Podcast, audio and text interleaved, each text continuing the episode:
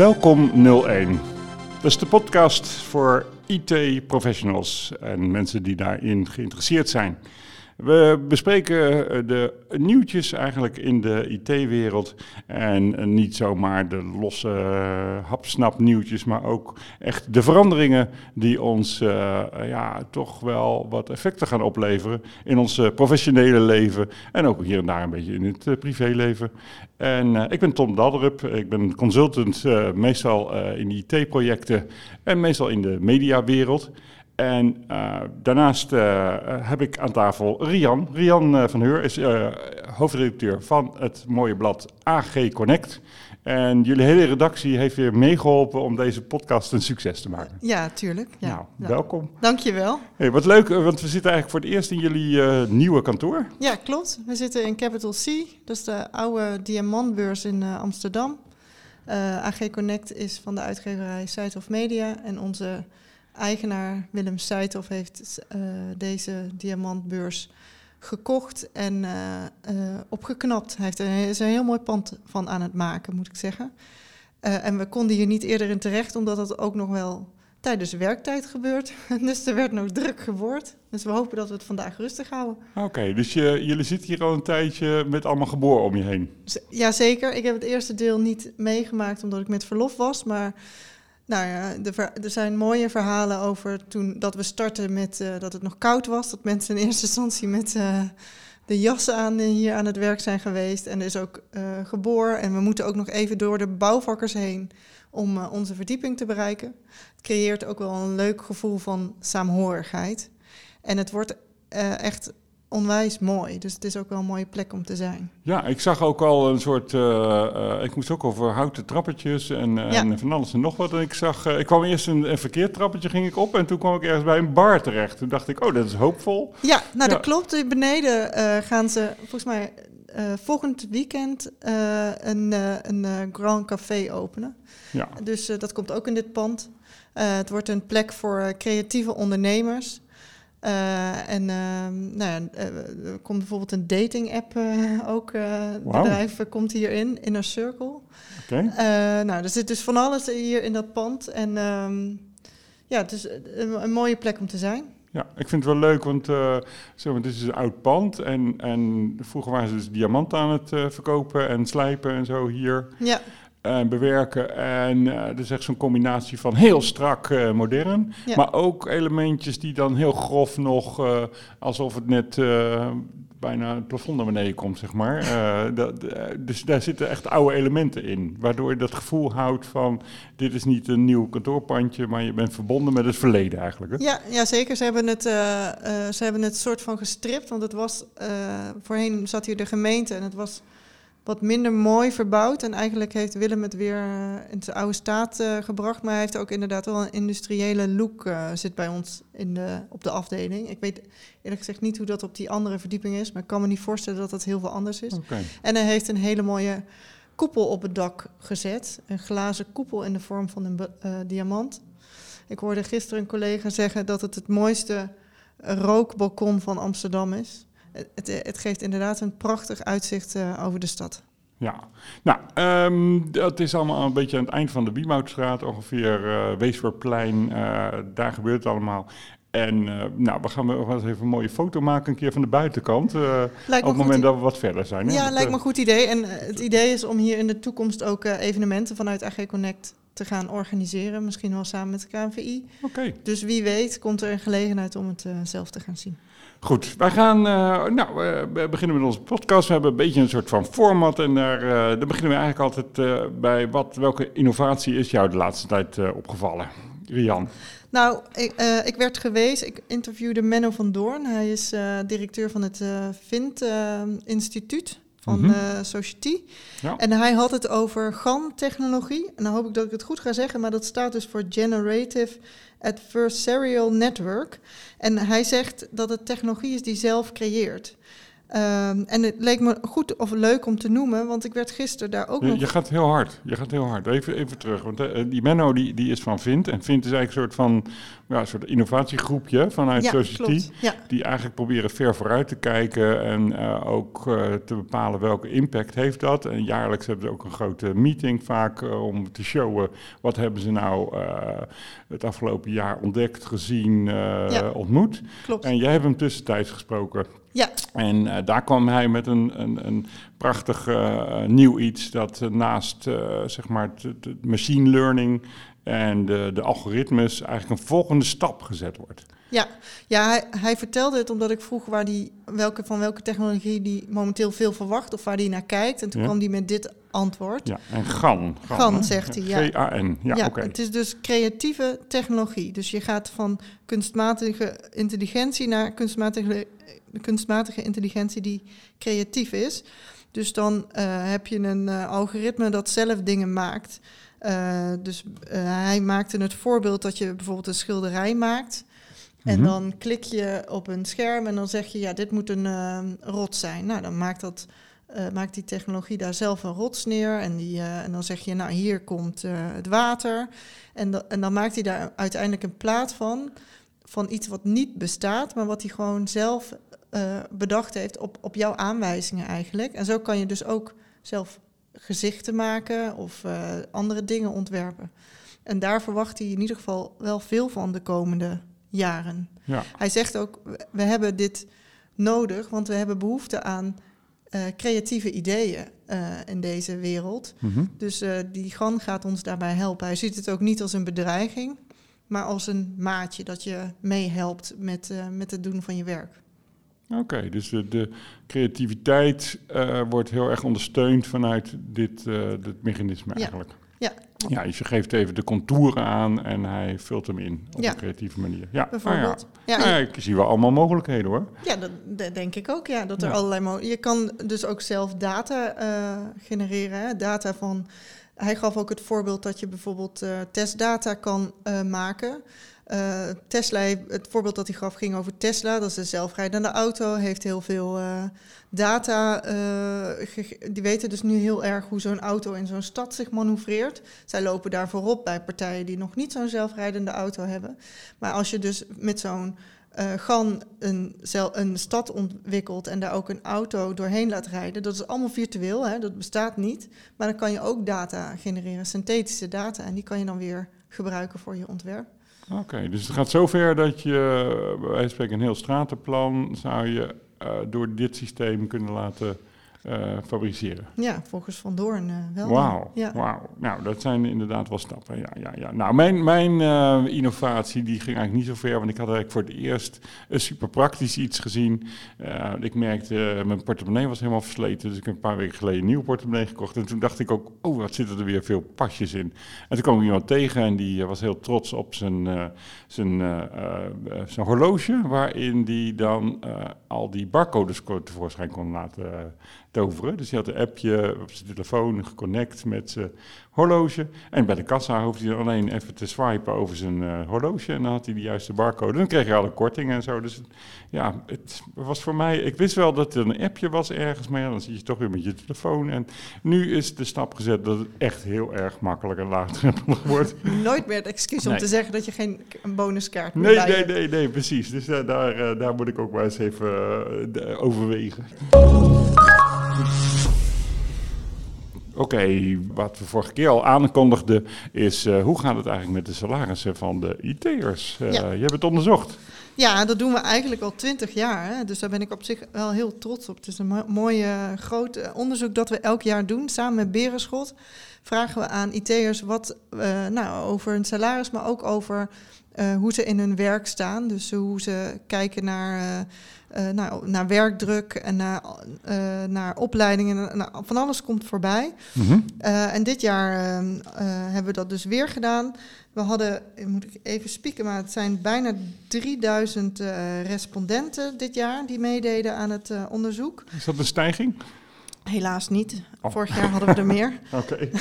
maar goed, eh, het blijft natuurlijk een heel eh, groot aantal ehm, eh, dat, dat dat onderzoek van ons invult. Ja. Eh, nou, dat, zijn allemaal mooie, ehm, mooie gegevens. De uitkomsten waren wat minder positief eh, voor de IT'er. Want hoewel ehm, nou, hoewel de vraag hoog is, krijgt hij er toch niet uh, heel veel bij. Tenminste, het, zijn salaris steeg wel met uh, 2,3 procent. Maar de, de koopkracht uh, steeg ook. Dus uh, ja, uiteindelijk hou je dan in de portemonnee niet zo heel veel uh, over. Ja, de, je bedoelt de gemiddelde prijzen, ja, maar, hè? Ja, ja, de inflatie. Ja, ja, ja. Okay. Dus nou, ze komen er niet zo, er komen er een beetje bekijkt van af. En vooral de IT'er die loyaal is aan zijn baas, die merkt er niet zoveel van. Want de grootste salarisstijging zit, is er voor de IT'ers die naar een andere werkgever overstappen. Ja, dat, dat, dat voelt natuurlijk soms raar. Hè? Dat je dan denkt van ja, ik moet dan om een salarisstap te maken, moet ik ook uh, van job wisselen. Ja, ja, ja, ja, het voelt een beetje wrang om dat uh, te doen. Maar dat wijzen de cijfers ook uit. En uh, ja, toch wel weer een goede reden dan om eventueel een gesprek te onderbouwen hè, met deze cijfers. Dat je zegt, nee baas, wil je dat ik echt dat ik wegga? ja. Ja. en het is misschien een manier om het gesprek aan te gaan. Uh, uh, nou ja, we hebben dus allerlei uh, cijfers eruit gehaald, ook over, over of IT'ers veel benaderd worden voor een nieuwe baan. Nou, driekwart, zeg ik dat nou goed? van, ja, driekwart van de mensen is benaderd het afgelopen jaar. Driekwart? ja, gewoon via social media. Oké. En of via andere kanalen, geweld. -hmm. Ja, dus er wordt hard aan, aan ze getrokken. Dus de, des te uh, groter de reden om uh, ja. uh, naar dat salaris ja, te kijken. klopt wel hoor, ik ben ook gebeld. Ja, ja. ik hoor daarbij. Ja. Ja, ja, ik ken ook mensen die gebeld zijn. Ja, okay. ja. Of dat dat ergens toe leidt, dat is alweer nummer twee. Maar we zijn gebeld. Ja, ja, ja, er wordt hard aan IT'ers getrokken. En salaris blijkt ook een hele belangrijke reden te zijn om van baan te wisselen. naast sfeer en collegialiteit. Maar de, het salaris staat altijd op, op één, elk jaar op één. Um, dus ja, als je met een goed aanbod komt en alle andere voorwaarden zijn goed, dan is de kans uh, groot dat je als werkgever uh, een nieuwe krachten kan aantrekken. Of, en of als andere werkgever, dus dat er iemand weggaat. En um, we, we, hebben, we doen het samen met Berenschot. En uh, Hans van de Spek, die dat uh, samen met ons doet, die zei dat het ook wel opvallend was dat een groot deel van de IT'ers geen arbeidsmarkttoeslag krijgt. Dat is drie kwart. Mm -hmm. En dat zou voor werkgevers een manier zijn om met dat salaris te spelen. Ja, ja, ja dus let even op, dat als je dat gesprek dus doet, dan is er vaak het antwoord van ja, klopt niet volgens de CAO en nivelleert wel over time en zo. En dan kun je dit wel te berden brengen. Ja. De markt. De arbeidsmarkttoeslag, ja. ja. ja. Dus, uh, nou ja, goed. Maar dat is ook niet, niet eeuwig, hè, die markttoeslag. Want dat betekent dus ook dat als de markt verandert, dat die toeslag ook weer verandert. Hè? Dus dat is wat anders dan een gewone salarisverhoging die doorgaans je leven lang lol oplevert.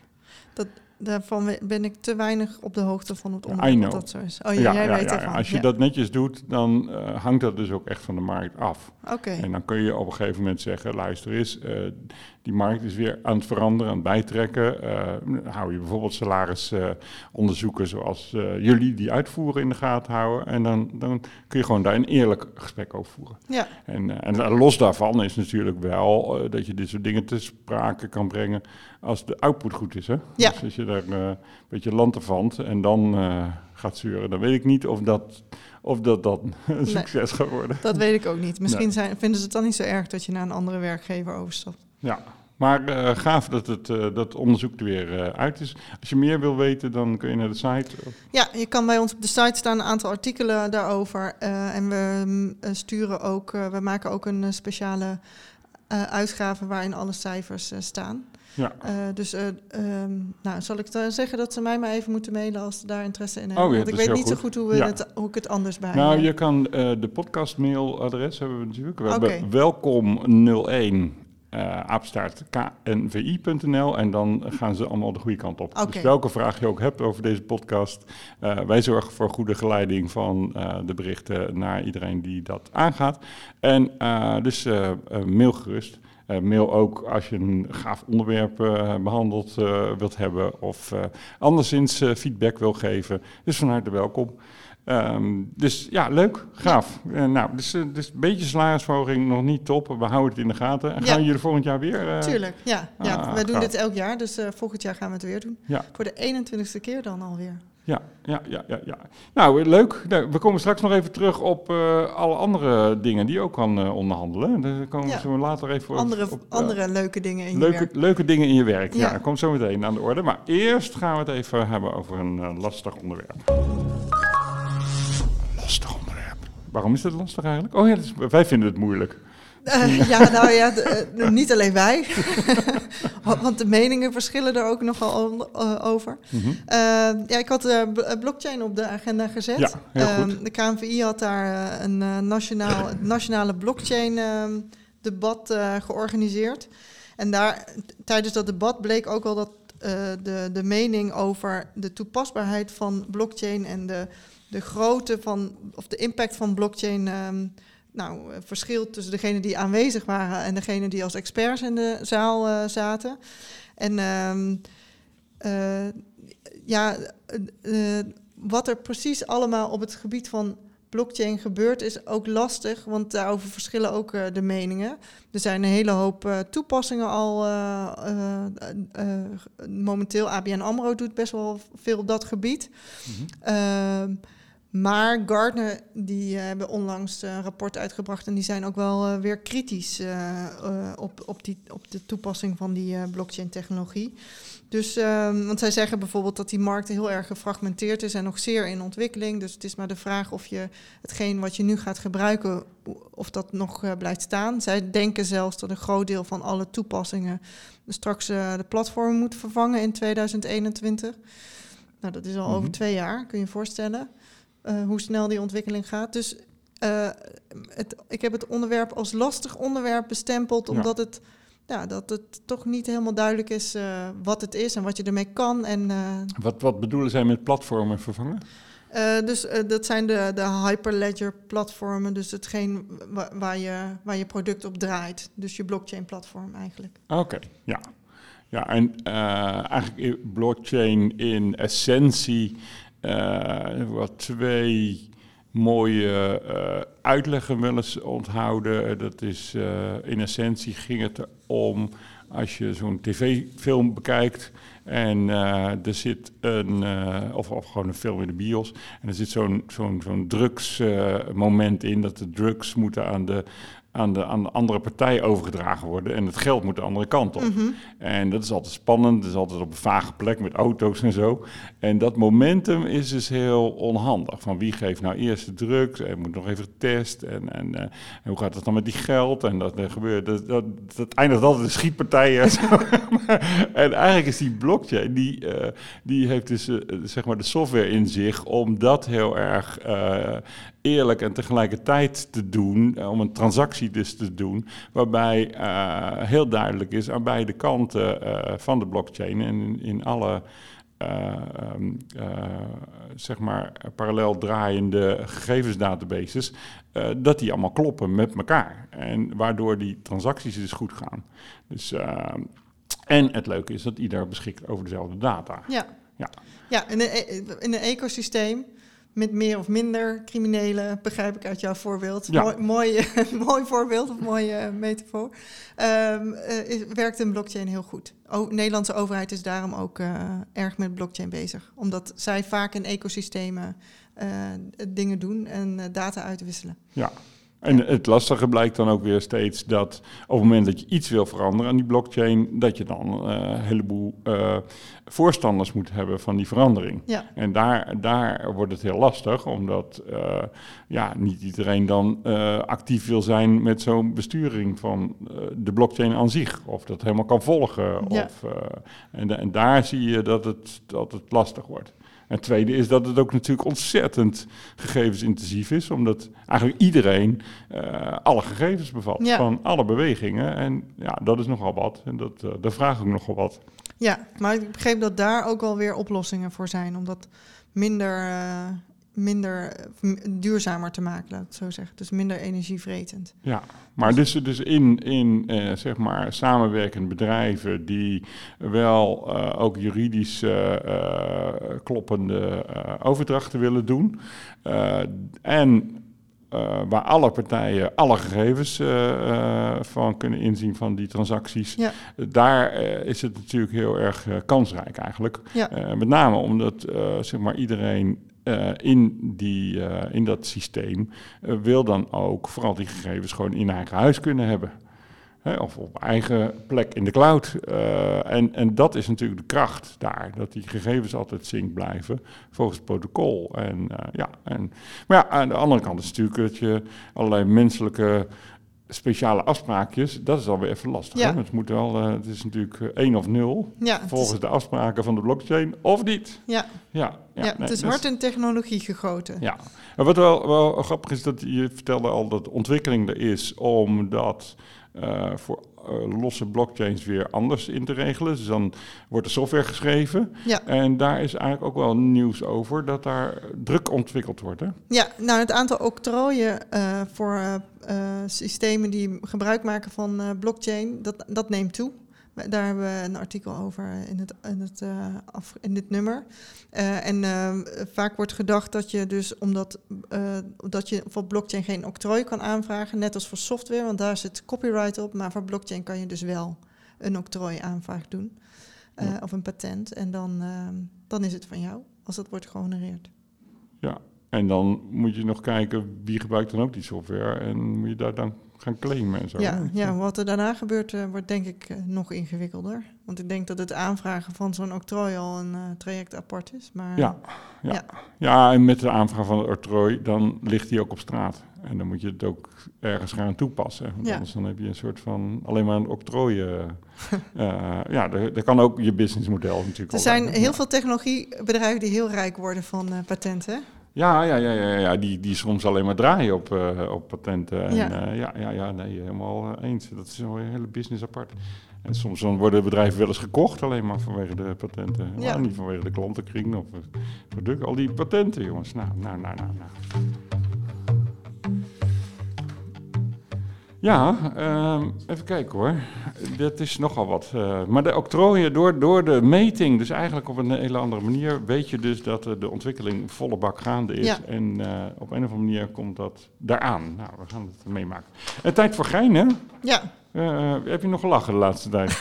ik lach heel veel. Maar, Oh, gelukkig. eh, maar ehm, ik, ik, ik vond een heel leuk eh, onderwerp eh, eh, waar we het over hadden. Ook over nagedacht hebben, zijn over de tertiaire voorwaarden van IT'ers.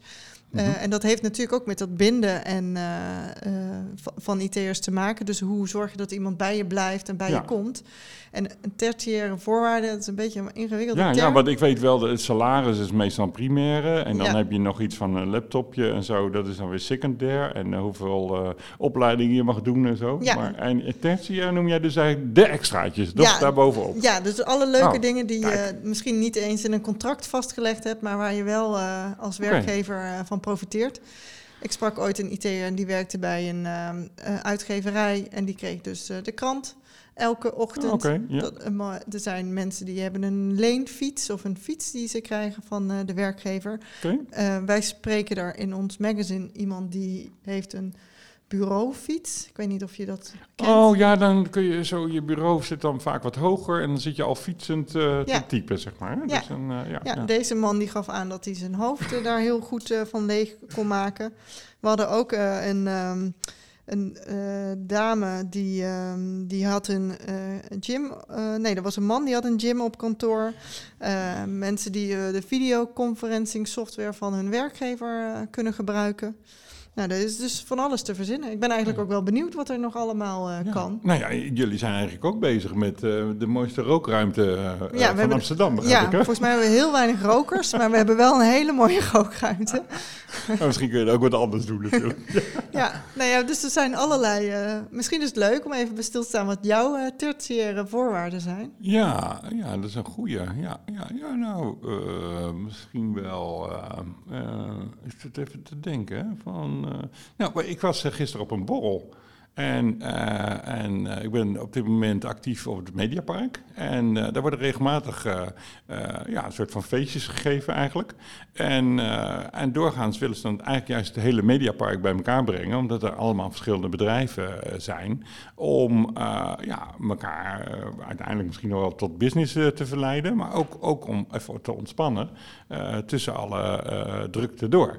En uh, dus dat was gisteren en dat was, nou, was een heel erg leuk feestje. We hadden een hele goede cocktailkraam ze en, en dat was dik voor elkaar. En daar werd gisteren ook weer een Media Diamant uitgereikt. En dat is iemand die speciale aandacht krijgt uh, voor achter de schermen. Met okay. name. Hè? Met, uh, op televisie zie je natuurlijk allemaal de bekende presentatoren en zo. En die, die staan voldoende in de schijnwerpers. Maar daarachter, daar wordt de ene keer een cameraman of een audiotechnicus. die echt uitgestegen is boven het normale standaard vak. Maar die echt een ambassadeur is. En uh, ja, dat was gisteren weer aan de hand. Nou, dat, dat, zoiets vind ik wel heel erg leuk. Dat, dat je gewoon verbinding maakt met ja. elkaar. Ja, een borrel kan ook een, een goede borrel kan ook een tertiaire voorwaarde zijn. Ja, ik heb trouwens, we zitten hier dus bij de Bieboudstraat en, en ik heb daar uh, jaren terug, heb ik uh, een paar jaar gewerkt aan de Bieboudstraat. En ik herinner me daar dat, ik geloof dat ik in de eerste maand of zo, hadden we drie keer zo'n borrel in de maand. En, en, en ik was helemaal niet gewend. En ik, ben toch dronken geweest met de eerste, eerste maand werk. En toen dacht ik, ik moet een beetje terugschroeven, want dit, dit wordt een beetje too much. Dus over tertiaire voorwaarden, ja, ja nee, de, dus ik, uh, maar af en toe is het nog steeds heel erg leuk en uh, gezellig. Ja, ja. Ja, ja. ja, en ik denk dus ook dat ze heel belangrijk zijn voor uh, wat je voelt bij een organisatie of niet. Mm -hmm. uh, dus ja, je, je, ik denk ook dat het goed is als, als werkgever zijnde om het te benoemen. Misschien niet dat je elke week heel dronken kan worden op de borrel, maar er zijn natuurlijk ook andere uh, voorwaarden die je wel goed uh, kan noemen. Dus uh, ik denk dat het wel ook de sfeer in een bedrijf goed weergeeft of kan weergeven.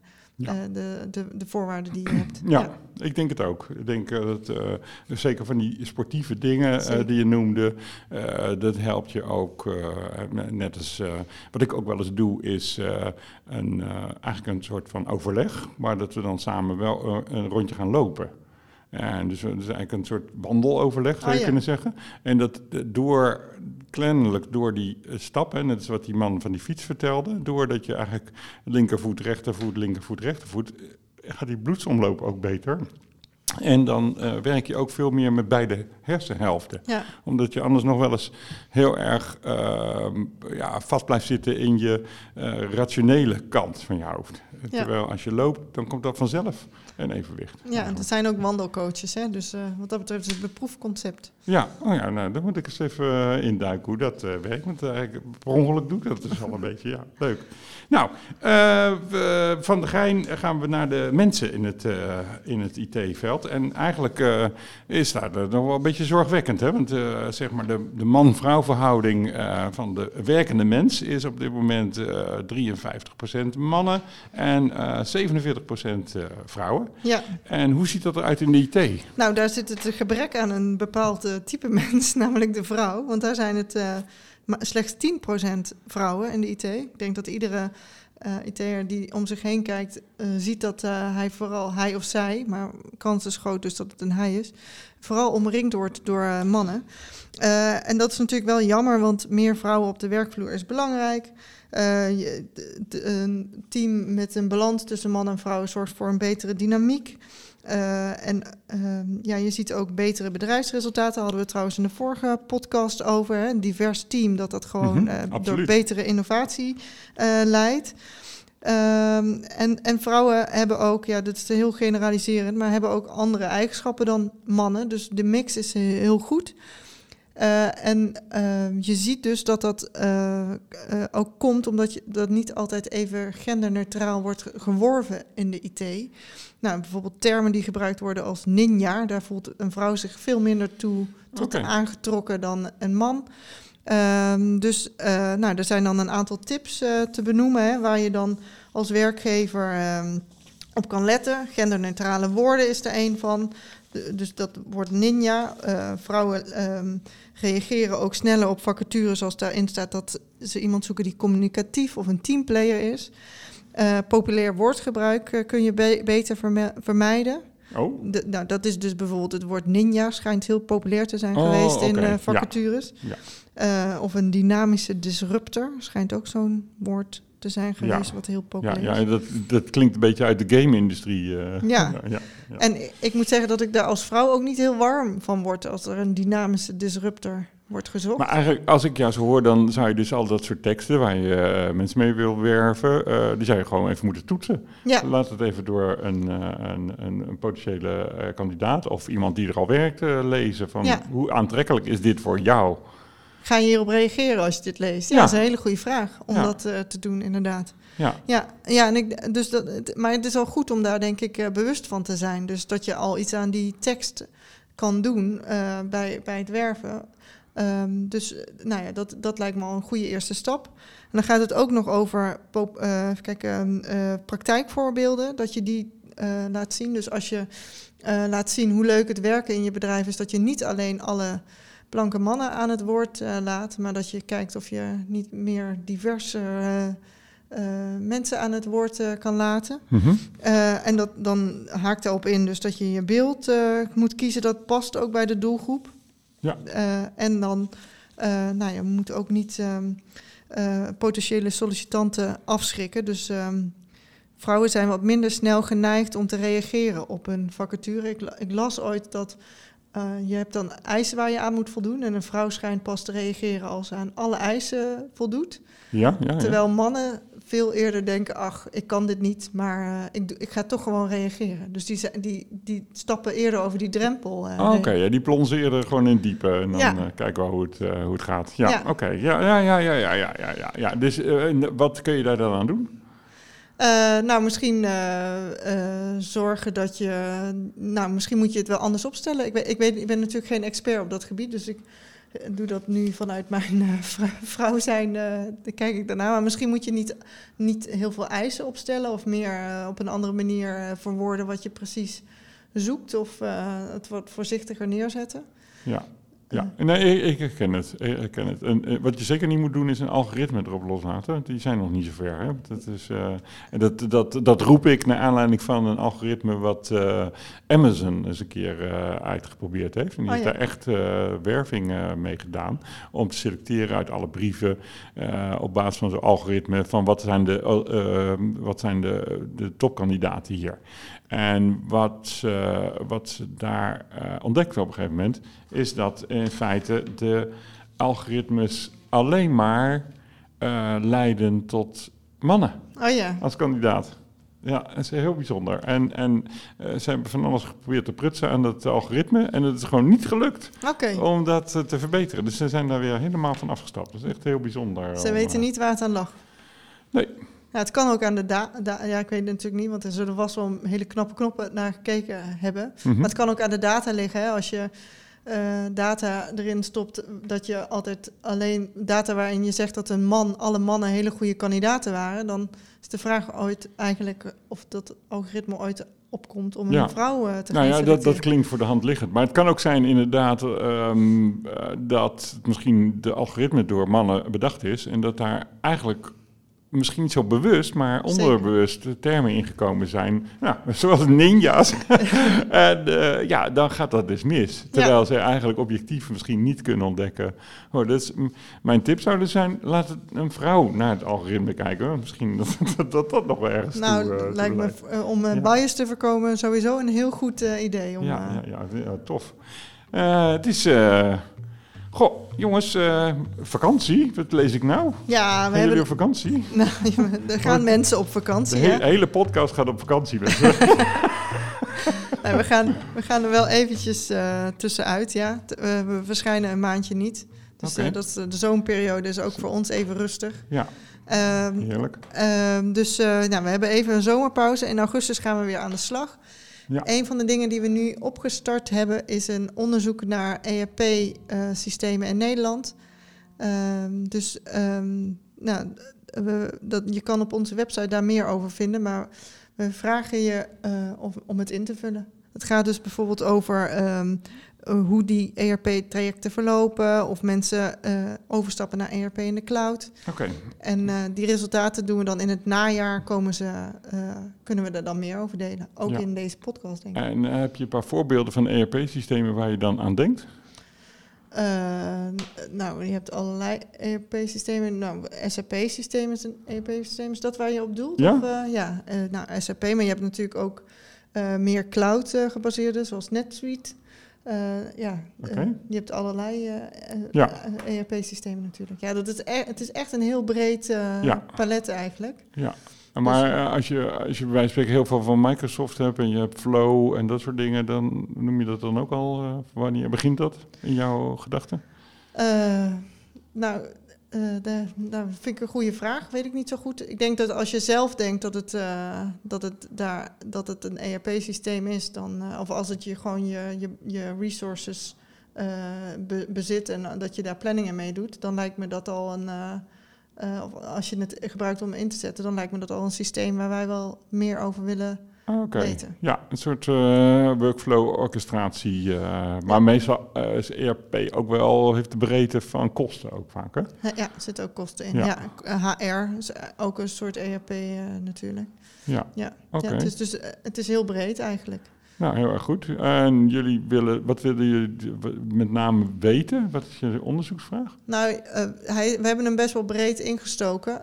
maar we zijn eigenlijk ook wel benieuwd hoe die trajecten verlopen en hoe mensen daar eh, mee omgaan. En we zijn ook wel geïnteresseerd in eh, in hoeverre je over kan schakelen van een eh, ERP-systeem wat on-premises staat naar een ERP-systeem in de cloud. Dus ook ervaringen van mensen die dat gedaan hebben. Ja. Of andersom, misschien, dat, nou, dat zijn misschien nog wel de interessantere projecten, hè, de mensen die weer teruggaan. Nou ja, goed, daar horen we graag ervaringen over. Ja, ja eh, ERP heeft natuurlijk altijd de belofte dat het hele bedrijf eh, uniform samenwerkt. Ja, Eh, en nou, de vraag is ook, wat zijn de ervaringen inderdaad? En, eh, ja. ja nou, en het helpt ons, nou, we delen die resultaten natuurlijk, maar het helpt ons natuurlijk ook om dan weer artikelen te schrijven die mensen weer helpen om die trajecten te doorlopen. Dus het wordt ook als een soort input voor meer gezien. Ja, oké. Ja, ja, processen zijn tegenwoordig eh, steeds belangrijker dat die in de IT eh, transparant eh, worden. Hè? Ja. En, eh, ik, eh, ik hoorde laatst trouwens heel mooi voorbeeld ervan dat eh, eh, er nu gedacht wordt of als de Belastingdienst, hè, dus, eh, dus de overheid, als die nou een wetsvoorstel gaan maken, dat dat wetsvoorstel zo langzamerhand eerst even langs de IT-afdeling bij de Belastingdienst moet, om te kijken van is dit technisch eigenlijk wel haalbaar? Ja. Want eh, nu de volgorde is van nou, we- maken gewoon een wet en daarna gooi je hem over de heg bij de IT. Dat leidt niet tot een eh, groot succesverhaal de hele tijd. en dus die, die volgordeverandering, nou dat is best wel revolutionair. En, en natuurlijk bij eh, zo'n ERP-traject speelt natuurlijk vergelijkbare dingen. Dat je eigenlijk zegt van nou ik, ik, ik doe alleen bedrijfsprocessen die in het IT-kader van zo'n ERP-systeem vallen eigenlijk. hè. Ja, nou ja, sowieso denk ik dat het goed is om te vragen, te, na te gaan of je bij elke procesverandering, of dat ondersteund zou moeten worden door IT, of je daar hele grote aanpassingen voor moet doen. Want dat wordt ook natuurlijk wel vaak eh, gedacht, maar soms heb je helemaal geen IT nodig om je proces eh, Ja. in te richten. Eh, Helemaal eens, helemaal eens. Dus de optie, eh, de nul-optie, zeg maar, even geen IT, eh, neem die ook mee. Hè? Ja. Dat is eigenlijk, nou ja, Dat tip, zou goed zijn als die ja, meegenomen ik vind het Een, ik vind het applausje waard, geloof ik. hè. Ja, ja, oh, wie joelende mensen. Ja, volgens mij komt er zo meteen ook nog een rondleiding voorbij hier, geloof ik. Hè? Dat wordt helemaal lachen, joh. Nou, dankjewel voor deze aflevering. Wij vanuit de AG Connect en KNVI. Ik heb nog helemaal de KNVI helemaal niet uitgelegd wat dat nou ook weer was.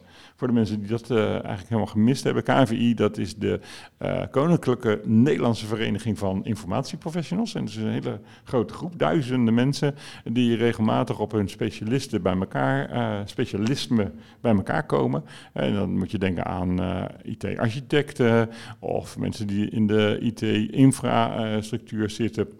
En eh, nou, die organiseren allerlei bijeenkomsten en hebben ook een platform om eh, met elkaar te kletsen. En het platform is trouwens heel leuk, want dat, daar, daar, dat is eh, echt afgesloten. En dat houdt in dat je daar je vraag kan stellen uh, dat je, waarvan je niet wil weten dat je baas die vraag stelt. Oh, ja. Dus dat is wel uh, zo'n mooi, uh, mooi hoekje ergens op het web. alleen achter de inlog en alleen voor leden. dus die KVI, en waarom is die KVI nou leuk? Die hebben geen commercieel belang. Dus die staan echt helemaal los van elke commerciële variant. Proberen niks aan te smeren en proberen daar gewoon neutraal, objectief advies in te geven uh, van ene lid naar het ander en, en, en zo als duizenden bij elkaar. En dat is, uh, ja, het wordt, steeds, het wordt wel een steeds grotere club en dat komt ook dat die IT eigenlijk natuurlijk heel erg aan het versnipperen is. Er zitten, zitten steeds meer uh, disciplines in. En de gein daarvan die ik daarin uh, in bemerk, is als je een issue hebt op informatiebeheerkant of op architectuur of zelfs juridisch, dan kun je ook bij zo'n medelid eigenlijk uh, te raden gaan. En hoef je niet gelijk weer iemand in te huren of zo namens je bedrijf. Dus dan kun je eerst even een check doen en dan weet je van nou, is het waardevol om daar bijvoorbeeld wel een project of een externe bij te sleuren? Of is dat risicovol? Nou, dat zijn allemaal leuke vragen die binnen zo'n club door sure. Die diversiteit eigenlijk juist uh, heel Ja. gemakkelijk aan de orde kunnen komen. Dus uh, ja, dat is een aanbeveling van mijn kant. uh, ja, ik kan ook niet. Hè? want Ik zit, dan in, in, in ik zit daar mee in, aan het roer om die club in de goede kant op te krijgen. Ja, wat de goede kant op is, dat bepalen we ook weer met z'n allen. Dus dat is extra leuk. Nou, dank jullie wel voor deze aflevering. We zijn alweer ruim aan onze tijd. Hè? We, dus lunchen voorbij. De werk, werkmannen die gaan weer herboren en zagen. En dan uh, gaan wij even op vakantie. Tot uh, de volgende aflevering in augustus. ja, in augustus is hij er weer. Ja, top.